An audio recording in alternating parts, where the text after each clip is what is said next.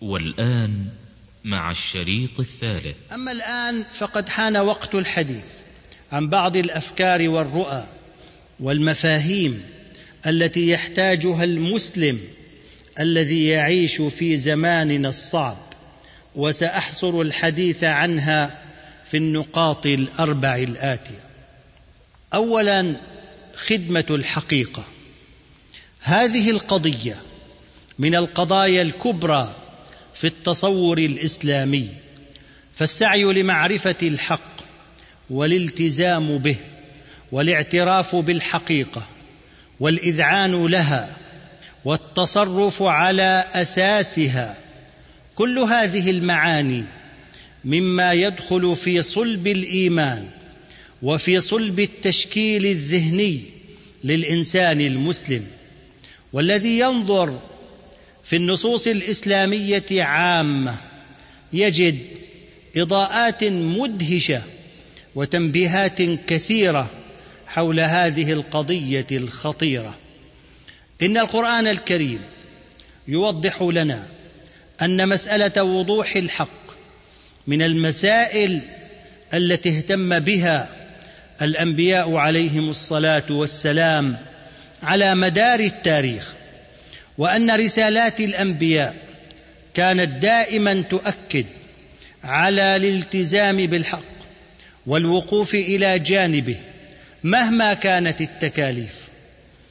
نحن لا نعرف أمة من أمم الأرض حرصت على الوصول إلى الحق والحقيقة وعملت في سبيل ذلك مثل ما عملت أمة الإسلام حيث أقام علماؤنا الأقدمون علوما كاملة من أجل ذلك مثل علم الجرح والتعديل وعلم الرجال وقواعد مصطلح الحديث.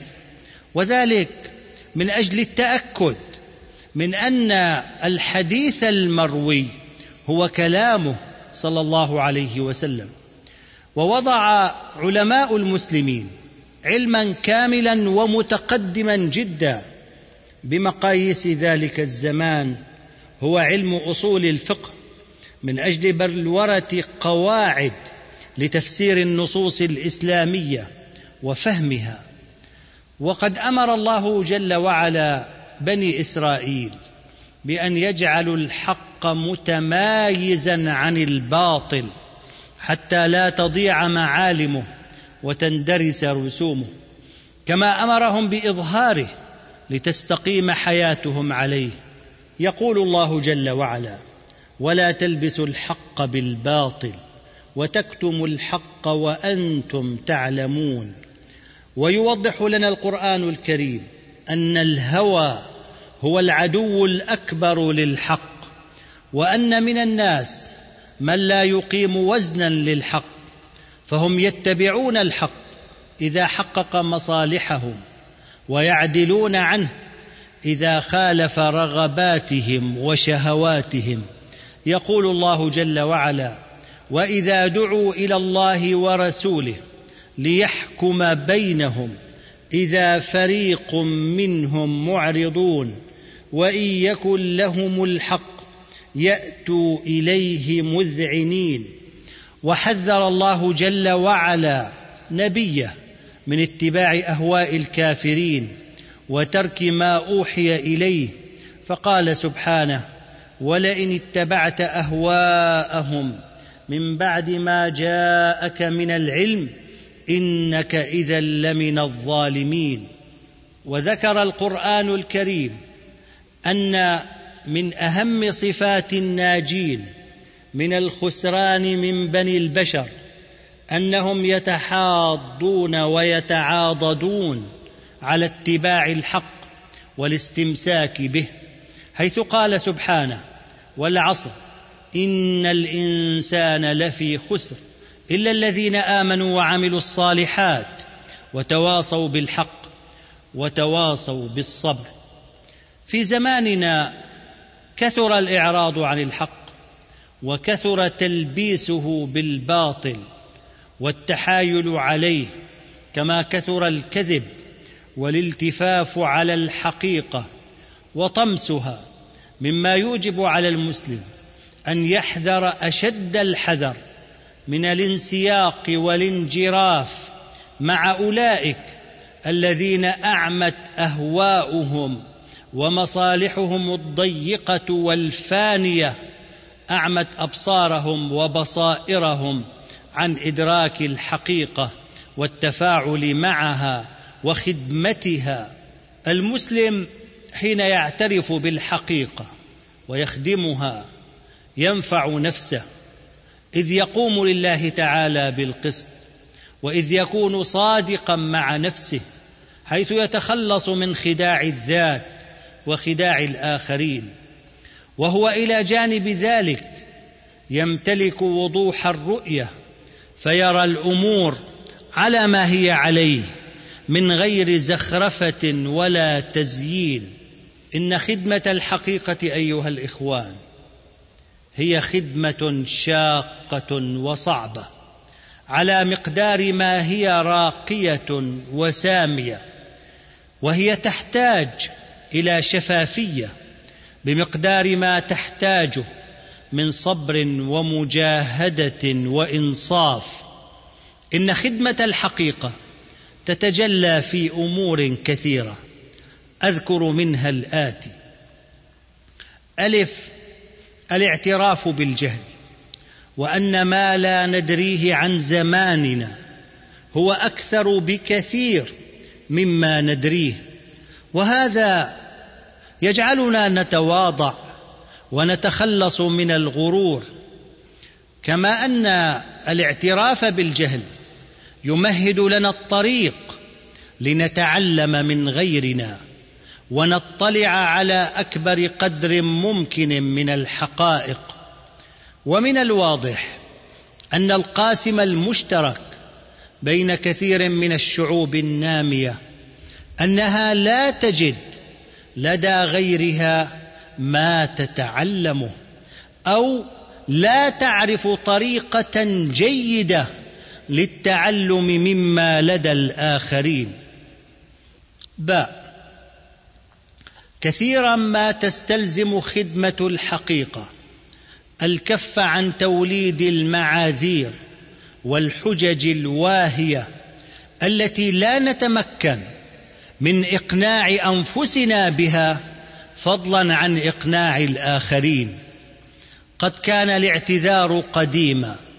فنا من فنون الشعر. وأصبح اليوم لدى كثير من الناس فنا من فنون الحياة. يترتب بشكل آلي على التقليل من الاعتذار تحسن وضع الاعتراف بالحقيقة ووضع التعامل معها حيث يتحسن وضع المكاشفة والمصارحة والنقد الذاتي والاجتماعي. جيم تقتضي خدمة الحقيقة.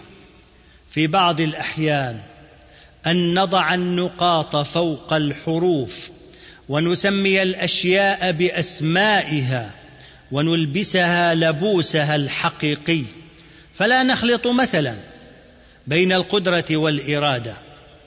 إذ إن من المشاهد أن كثيرين منا يقولون نحن لا نستطيع أن نفعل كذا ونحن لا نقدر أن نترك كذا وكذا. وهم في الحقيقة يستطيعون لكنهم لا يريدون. وقد علمتنا التجربة أن المرء حين تكون أهدافه غامضة أو إرادته مشلولة فإنه لا يرى حينئذ إلا العقبات والصعاب.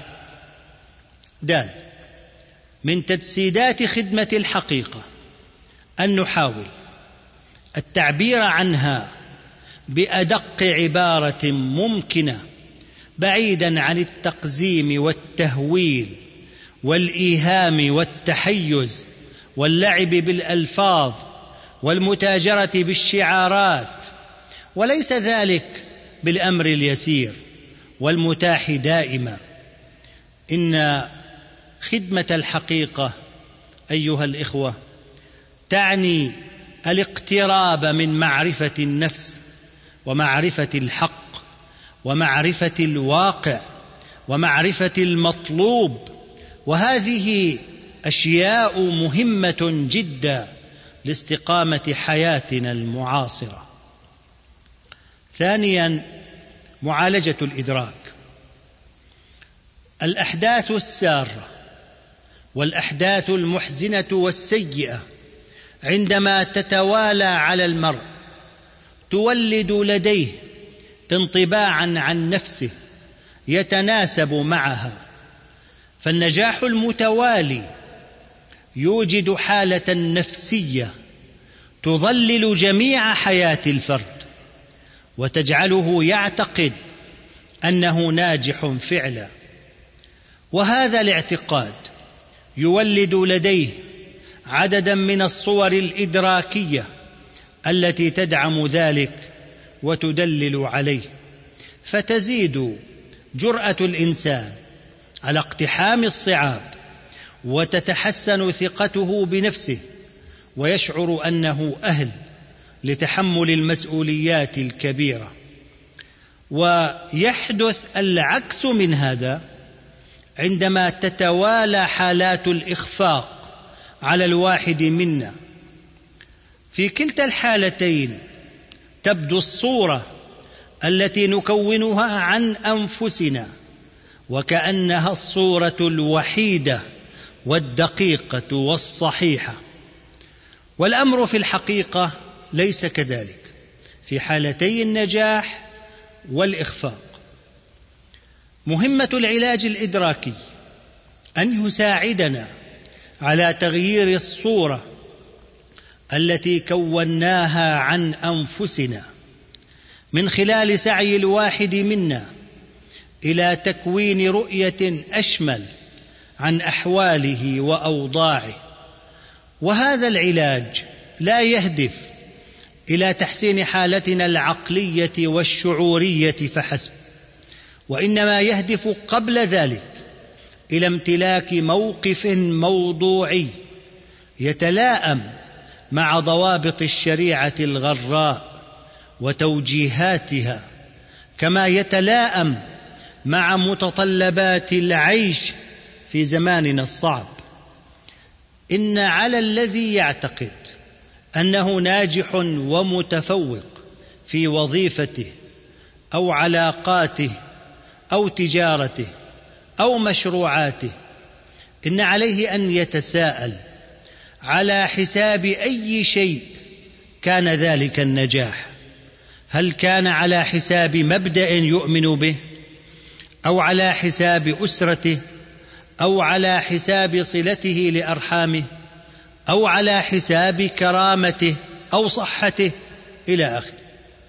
وحين يكون جادا في تساؤله فإنه سيعثر على جواب ذلك وغالبا سيجد أنه في حاجة إلى أن يخفض من درجة ابتهاجه بالانتصارات التي حققها كما سيجد أنه في حاجة إلى التغيير في بعض أوضاعه وأنشطته حتى لا يكون كمن يبني من جهة ويهدم من جهة أخرى. في المقابل فإنه ليس للذي أخفق في أن يكون مدرسا ناجحا أو كاتبا جيدا أو أخفق في وظيفته أو في زراعته. ليس له أن يعتقد أنه لم يعد يصلح لأي شيء فقد يكون أبا ممتازا وزوجا صالحا وقد يكون رجلا مستقيما خلوقا وداعية جيدا وقد يكون وقد يكون. المراد من هذا أن نؤمن أن هناك أكثر من طريقة للنظر إلى الأشياء وأكثر من معيار للنجاح والإخفاق كما أن الدروب لتحقيق الذات متعددة وكثيرة. وقد قال أحد الحكماء يمكن أن تقول لمشهد الوردة وقد أحاط بها الشوك هذا الورد له شوك كما يمكن أن تقول أيضا إن هذا الشوك له ورد. المهم دائما أن نتخلص من ضيق الأفق ونسعى إلى الوصول إلى رؤى رحبة وفسيحة. فذاك هو الذي يتمشى مع الحقيقة التي يفهم منها أنه عندما تنشأ مصاعب وأزمات جديدة فإنها تتيح لنا المزيد من الفرص والخيارات. وتأمل معي قول الله جل وعلا فإن مع العسر يسرا إن مع العسر يسرا. يقول مالك أكبر مصنع للنسيج في بلده. حين كنت طالبا في المرحلة الابتدائية كان موقفي سيئا. فقد كنت أشعر أن ذاكرتي ضعيفة على نحو لافت للنظر. وقد كان بعض أساتذتي يطالبني أن أحفظ ما في الكتاب حرفيا. وقد حاولت ترك الدراسة حين انتهيت من المرحلة الابتدائية. لكن أبي أصر على أن أنهي المرحلة المتوسطة. وقد أتممتها بصعوبة بالغة. وكان علي بعد ذلك أن أقرر أنا ووالدي إلى أين أتجه وماذا أعمل. وقد عملت في البداية مع والدي في بقالته الصغيرة لكن أبي كان حاد المزاج فكان يوبخني أمام الزبائن على أي خطأ يصدر مني. واقتنعت كما اقتنع والدي أن استمراري معه في البقالة غير ممكن. فعملت مع أحد أقربائي موظفا في مكتبة له وكنت مرتاحا في العمل. لكن لأن نومي ثقيل جدا ولا أستيقظ في الصباح بسهولة. فقد كنت كثيرا ما أتأخر عن فتح المكتبة في الصباح مما أدى إلى أن يخبرني قريبي ذاك أني لا أصلح للعمل معه. فتركته وجلست في بيت أبي فضاقت علي الأرض بما رحبت وصرت لا أشك أنني أقل من إنسان عادي. كما أن والدي وإخوتي كانوا كثيرا ما يلمزونني بالعبارات الجارحة والتي تؤكد لي أن مستقبلي سيكون أكثر من سيء.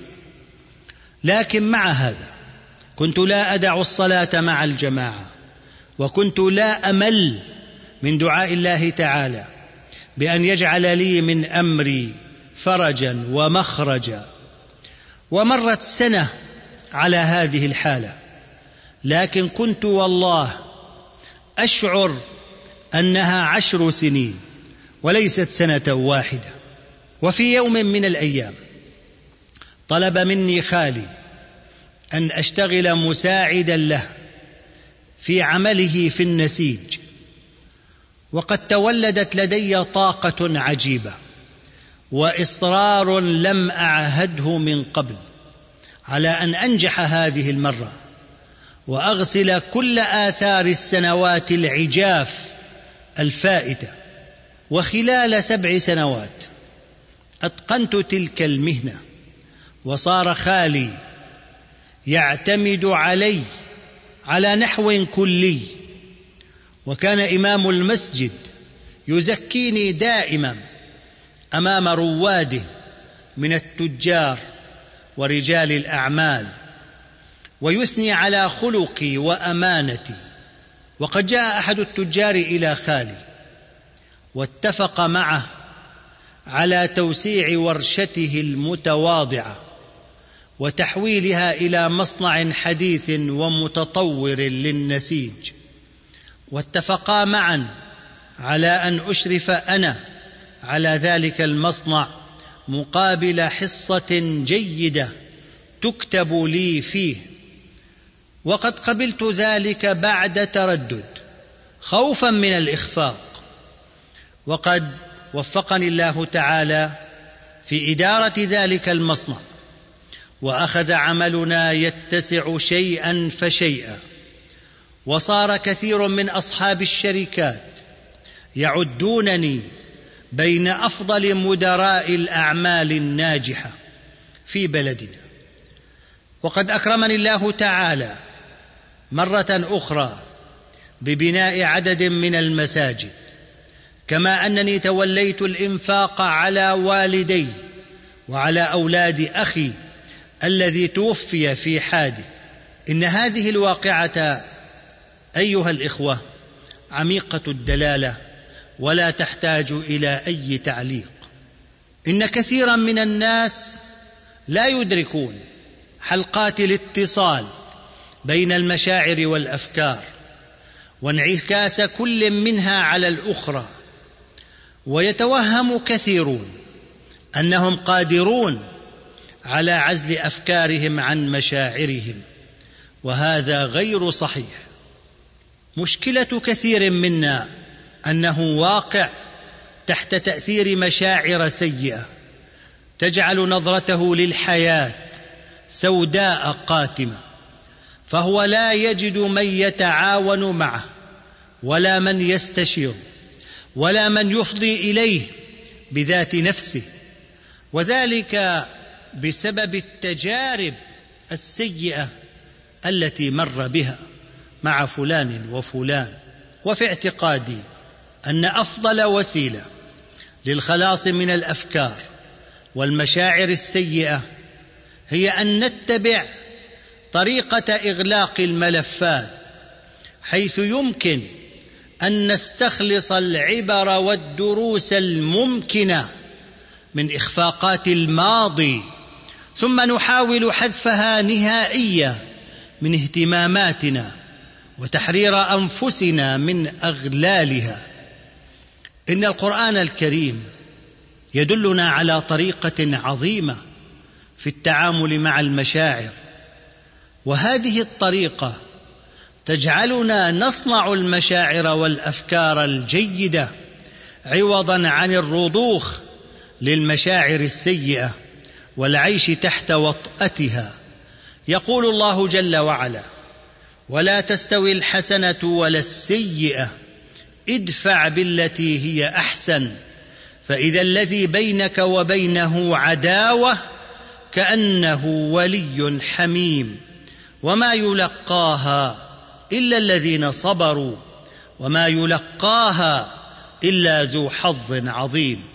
إن القرآن الكريم يوضح لنا أنه عن طريق الإحسان والعمل الصالح نستطيع أن نوجد مشاعر واتجاهات جديدة. وأعتقد أن هذا عام وليس خاصا بالتعامل مع الآخرين. العمل الصالح والعطاء السخي والمثابرة هي أفضل طريق لتحسين مشاعرنا وأفكارنا نحو أنفسنا وذواتنا. النقطة الثالثة الاهتمام بالتفاصيل. زماننا الصعب هو زمان الدقة المتناهية والتفاصيل الكثيرة وزمان الاهتمام بكل شيء. وإذا تأملنا في أحوال الأمم النامية وجدنا أن كثيرا من أبنائها يجسدون في سلوكهم وتطلعاتهم شعار لا شيء يهم وحيثما اتجهت وجدت سيلا لا ينقطع من المواقف التي تنم عن عدم الاكتراث واللامبالاه وخيار الناس لا يهتمون إلا بالقضايا الكبرى. أما الأمور الصغيرة فليس فيها من القوة والجاذبية ما يلفت انتباه أحد. أما في العالم الصناعي فالوضع مختلف جدا حيث يحاول الناس هناك فهم الأسباب والعلل التي تقف خلف الظواهر المختلفة كما أنهم يحاولون فهم أدق التفاصيل وقياس الآثار التي يتركها أقل الأحداث شأنا. إنني أعتقد أن كثيرا من الناس يملكون كل مقومات العظمة وكل الأسباب التي تؤهلهم للصعود إلى القمة لكنهم لم يصبحوا عظماء لا لشيء إلا لأن اهتماماتهم تافهة. قد كان المال في الماضي عماد الثراء الشخصي والأممي كما كان عمود النجاح في المجال التجاري وقد أخذ كل ذلك الآن بالتغير واخذت تحل محل المال أشياء غير مادية فثراء الأشخاص وكذلك الأمم لم يعد يقوم من خلال الأرصدة والممتلكات وإنما من خلال ما يملكون من اهتمامات ودوافع وأفكار ومعلومات ونظم وهناك في العالم اليوم دول تملك المساحات الشاسعة والأنهار العذبة والمعادن الثمينة. ومع ذلك فإن كثيرا من أبنائها جياع لم يدخلوا القرن التاسع عشر ولا القرن العشرين بسبب فقرهم في الأمور والمعاني التي ذكرتها. وهناك أيها الإخوة في المقابل أمم وشعوب تعيش في بقعة ضيقة من الأرض ولا تملك إلا القليل جدا من الموارد المادية والثروات الطبيعية التي يمكن أن تميزها على غيرها لكنها تملك الإنسان المتعلم النشيط صاحب الاهتمامات الواسعة وتملك روح التقدم والإصرار على التحسن كما يفهم أبناؤها شروط العيش في الزمان الصعب كما ينبغي أن تفهم. هذا يدعونا إلى أن نطور تربيتنا في البيوت والمدارس من أجل إخراج جيل ينظر إلى ما يملكه من قيم ودوافع ومفاهيم واهتمامات على أنها رأس ماله الحقيقي في هذا الزمان كما أنها عتاده الذي يواجه به أقصى الصعوبات وأعتى الخصوم. وليس هذا بالصعب إذا استطعنا تعميق الرؤية للمنهج الرباني الأقوم الذي أكرمنا الله به واستطعنا أخذ العظة والعبرة من سير عظماء هذه الأمة. النقطة الرابعة والأخيرة في هذا المحور تتعلق بمواجهة المشكلات. أقول في البداية إن هذه الدنيا دار ابتلاء ولذا فإن المسلم حيث اتجه وأينما كان وجد نفسه مبتلى بنوع من أنواع الابتلاء الكثيرة وقد مضت حكمة الله جل وعلا في أن يجعل وجود المشكلات في حياة الناس هو الأصل. ولكن الناس لا يحسون بالمشكلات والتحديات أحيانا بسبب جهلهم. ولذا قالوا لا مشكلات من غير معرفة.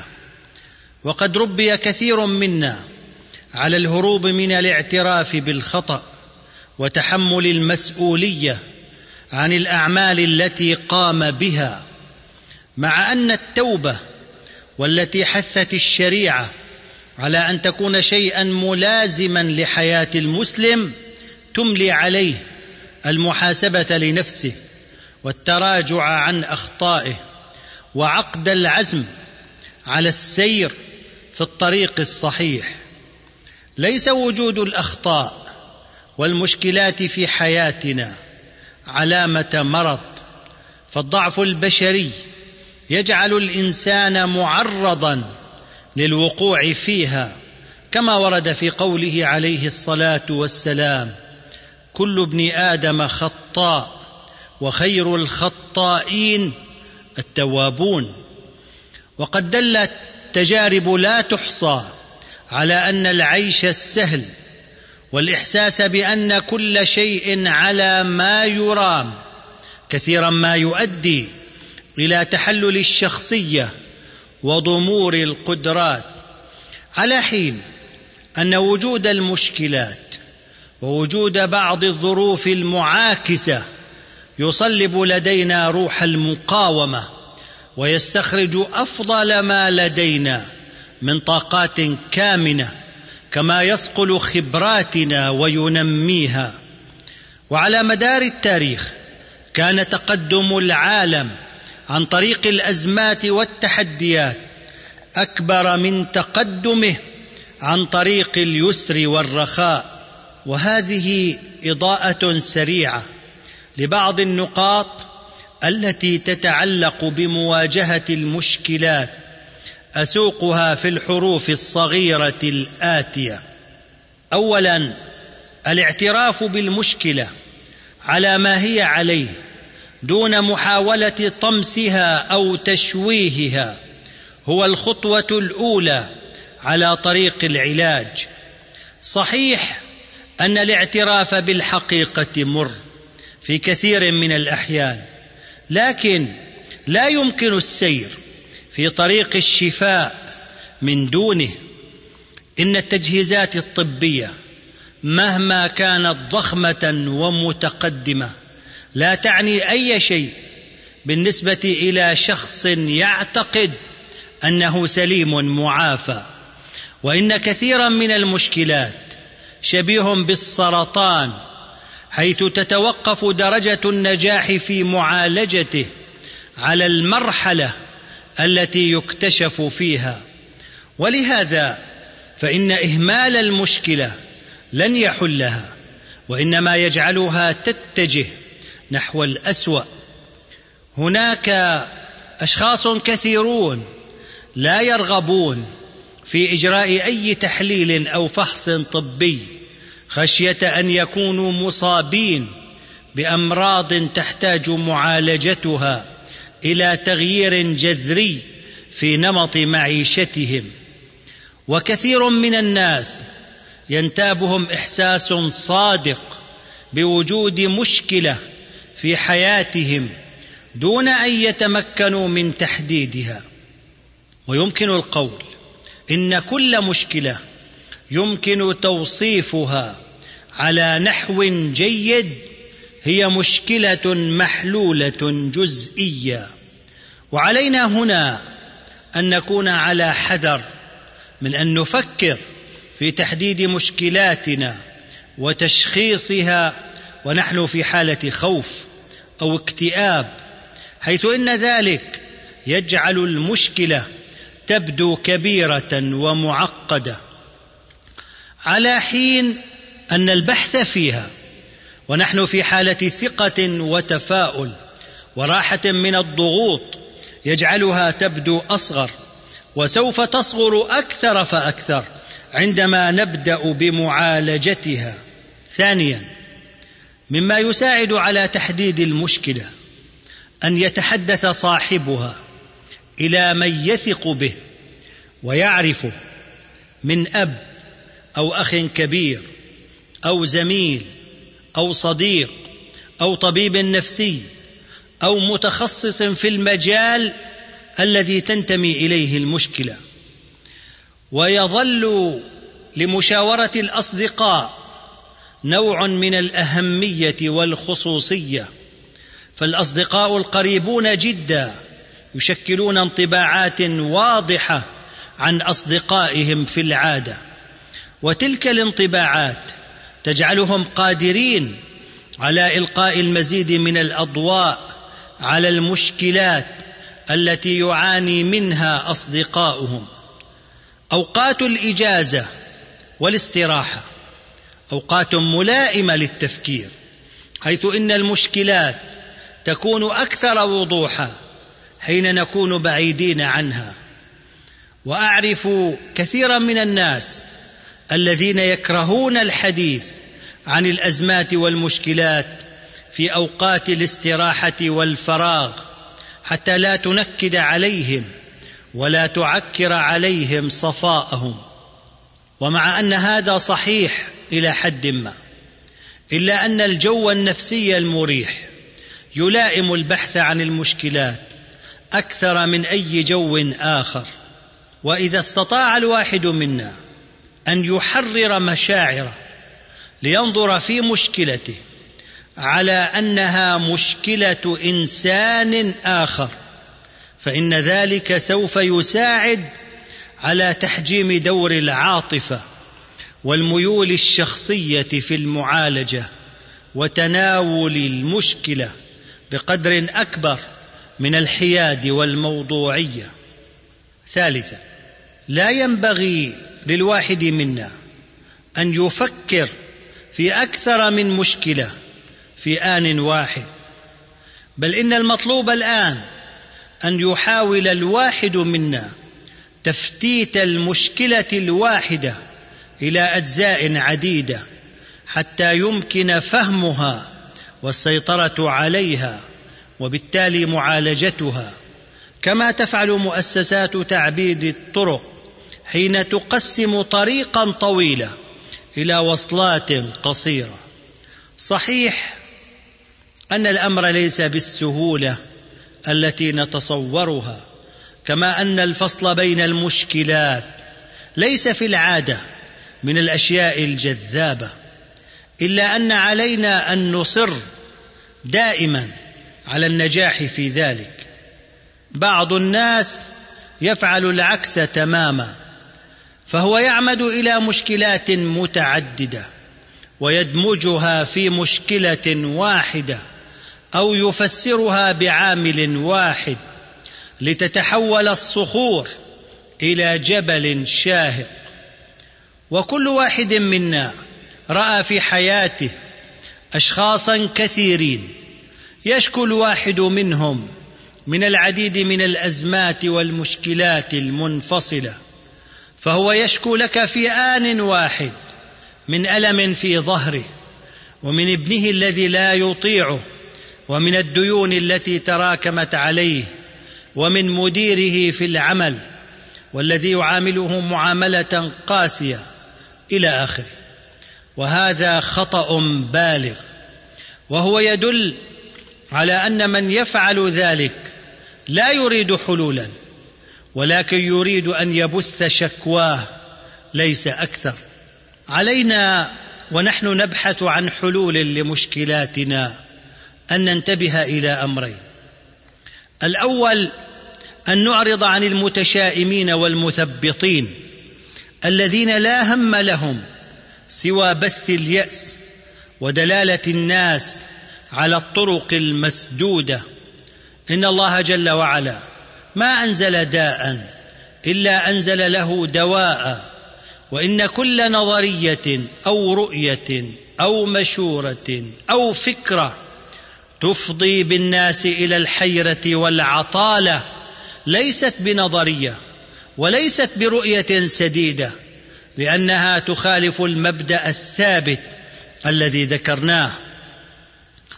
الأمر الثاني أن الذين يشكون من اجتماع المشكلات عليهم. قد يكونون اختاروا المجال الخاطئ لنشاطهم وهذا كثيرا ما يحدث. وكم من شخص يمارس عملا أو مهنة لا يملك فيها أي خبرة أو أهلية. ولذا فان ما يعده مصدر رزقه يصبح مصدرا مستمرا. لتوليد المشكلات له. والحل الأمثل أن يتخلى الإنسان عن ذلك الميدان أو ذلك النشاط ويصير إلى غيره. كما قال الشاعر إذا لم تستطع شيئا فدعه وجاوزه إلى ما تستطيع. وإلا فلن ينتهي من حل مشكلة. إلا جاءته مشكلة أخرى. دال. على الواحد منا أن يمنح نفسه الوقت الكافي للتفكير في المشكلة التي يعاني منها ومن الطرق المفضلة في التفكير أن يسمح الإنسان لكل الأفكار والخواطر التي لديه بالتدفق والانسياب دون أن ينتقد أيا منها. وبعد استدرار كل ما لديه وتسجيله يبدأ بمناقشة كل حل على حدة وبيان إيجابياته وسلبياته. وعلى الواحد منا أن يثق ببصيرته وعلى الواحد منا أن يثق ببصيرته وحدسه الشخصي وقد ورد في الحديث استفت نفسك وإن أفتاك المفتون. ومن المفيد أن يتعاون مع أحد الأصدقاء أو أحد الخبراء في تقييم تلك الأفكار والحلول وتجريب ما يقبل التجريب منها بصدق وعزيمة. وفي الغالب فإن المرء سوف يجد نوعا من الانفراج في مشكلته ونوعا من التحسن في وضعيته العامة. ها هناك خطأ شائع يقع فيه كثير من الناس في كل مكان من الأرض وهو الميل إلى الحلول التي يمكن أن يقوم بها الآخرون أو يتحملوا جزءا منها. ومع أن هذا صحيح إلى حد ما حيث إن من المشكلات ما يتعلق بأكثر من طرف وعليهم أن يتعاونوا من أجل حله. لكن كثيرا ما يحدث أن يلقي كل طرف عبء الحل على غيره وتكون النتيجة أن تبقى المشكلة من غير أي حل.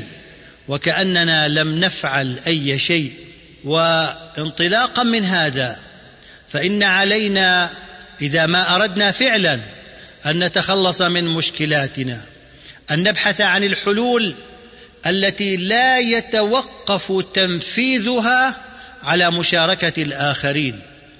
لا شك أن الحل انذاك قد لا يكون مثاليا لكنه يظل أفضل من تعليق المشكلة إلى أجل غير مسمى. إن اللجوء إلى الله جل وعلا هو من عتاد المسلم في الكروب وعلينا ألا نغفل عن هذا الجانب. فلدى الله تعالى من أشكال المعونة وتفريج الكروبات أكثر بكثير مما يظن الناس وأكثر بكثير مما يعرفون. لنجعل من المشكلات والأزمات نقاط انطلاق جديد ولنجعل منها مصدرا لتجديد الوعي واستخراج الإمكانات الكامنة ومصدرا للمراجعة والنقد الذاتي وبذلك تنقلب المحنة إلى منحة والله المستعان في كل حال.